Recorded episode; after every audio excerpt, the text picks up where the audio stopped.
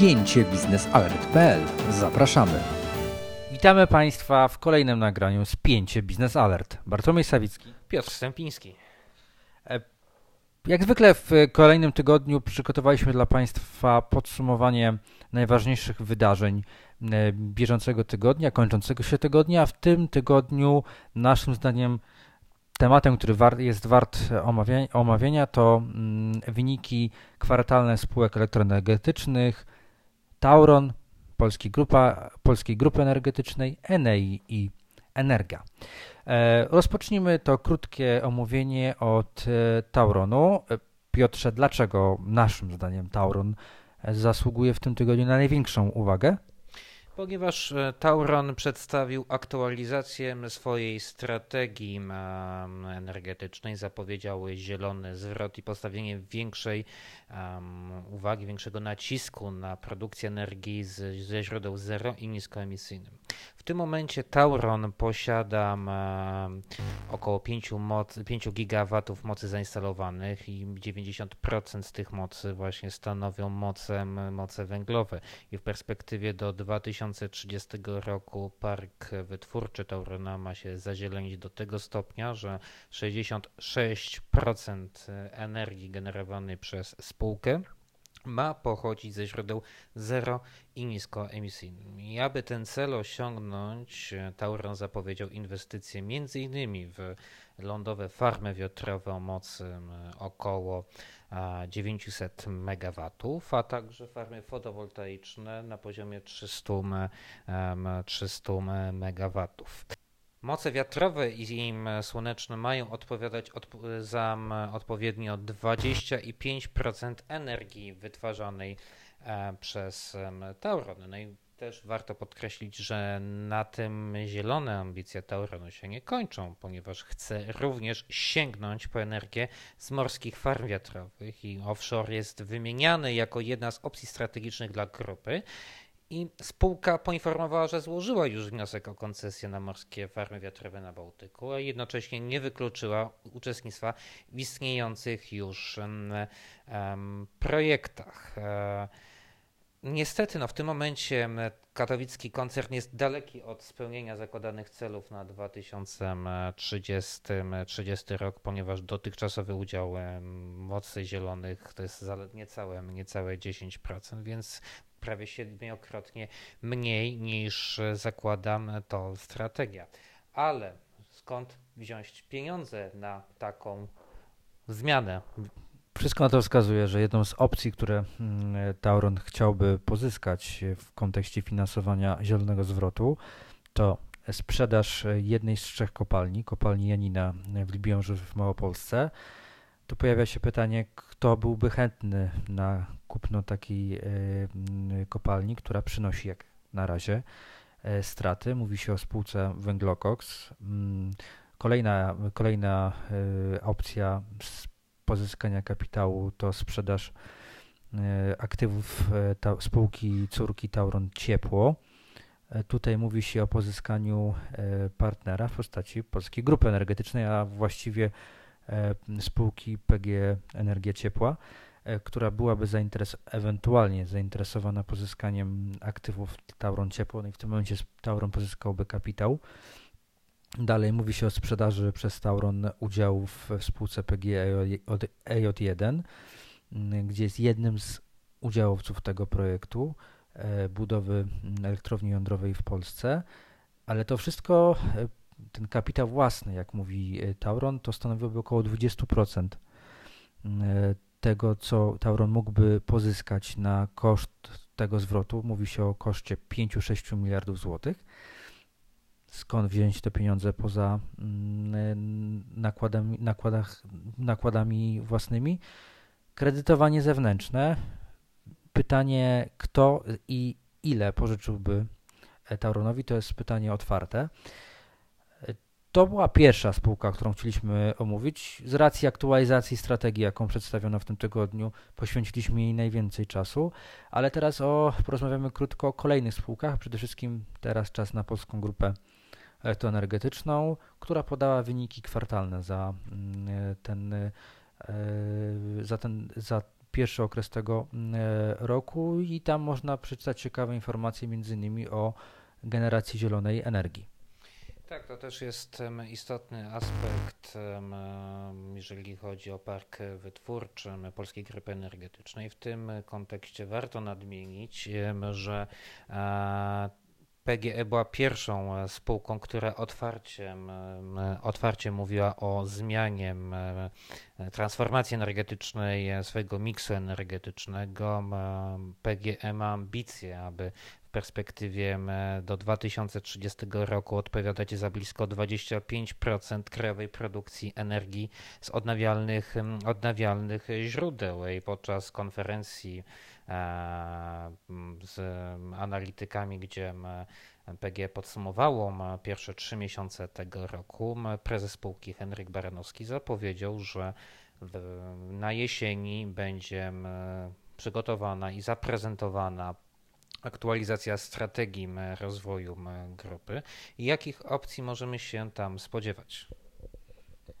No właśnie, to będzie ciekawe, ponieważ e, w ubiegłym roku PGE mówiło, że wybór czy decyzja co do mm, inwestycji w tak, czy opcje strategiczne, a więc tak zwaną nowoczesną energetykę węglową, w energetykę jądrową i w zero i niskoemisyjną energetykę, te trzy opcje strategiczne, opcje co do ich, decyzje co do ich realizacji miały być podjęte w 2020 roku. Trzy podczas e, planów e, jesienią co do aktualizacji tej strategii.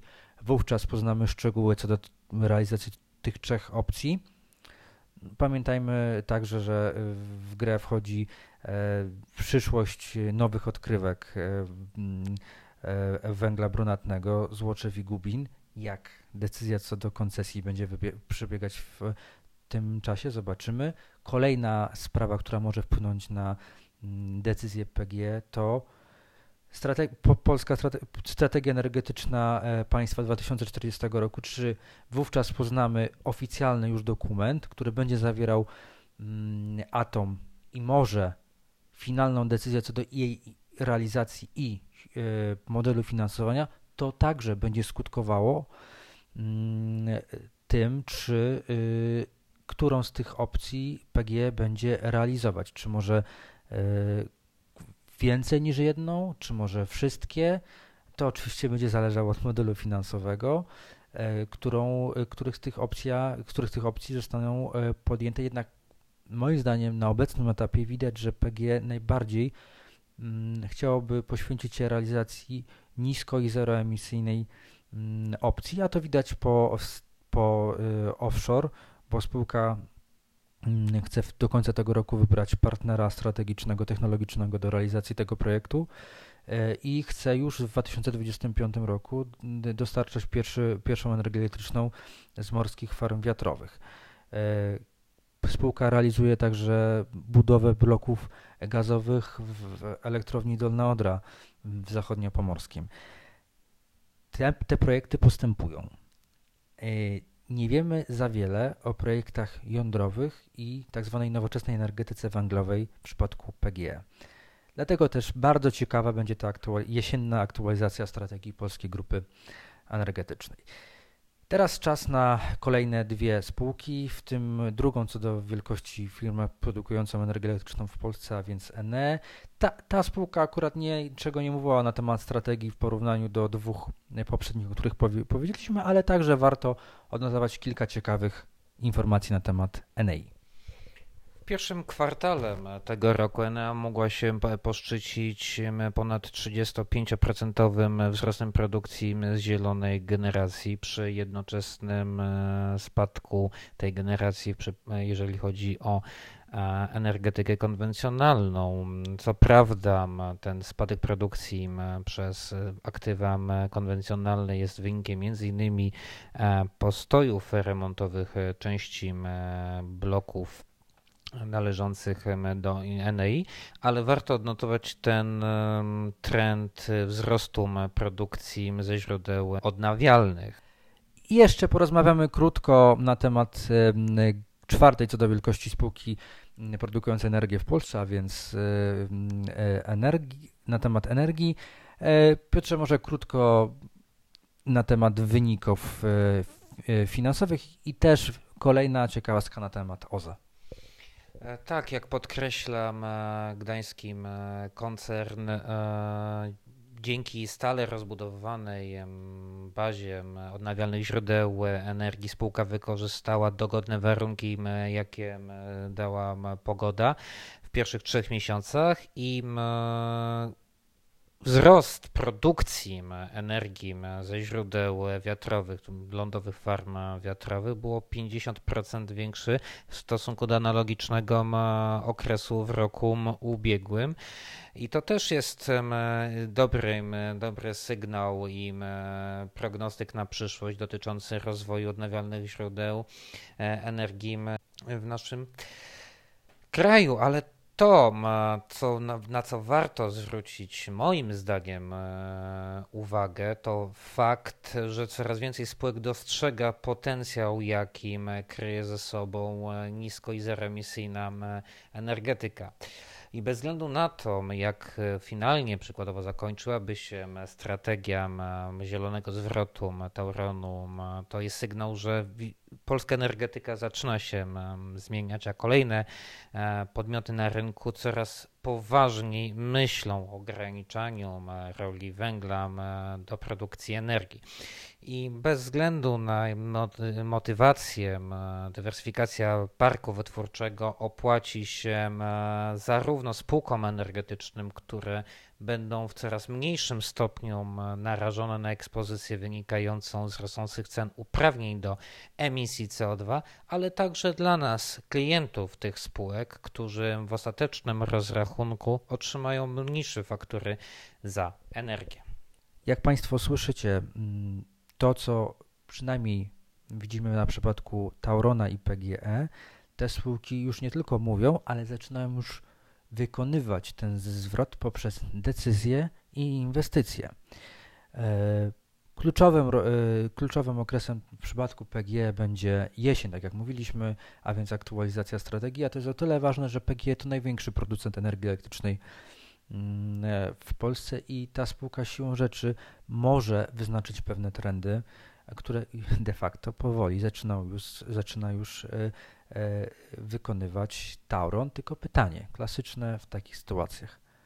Za ile i kto je sfinansuje? I z tym, można powiedzieć, filozoficznym pytaniem zostawiamy Państwa. To było spięcie Biznes Alert. Piotr Sępiński i Bartłomiej Sawicki. Dziękujemy.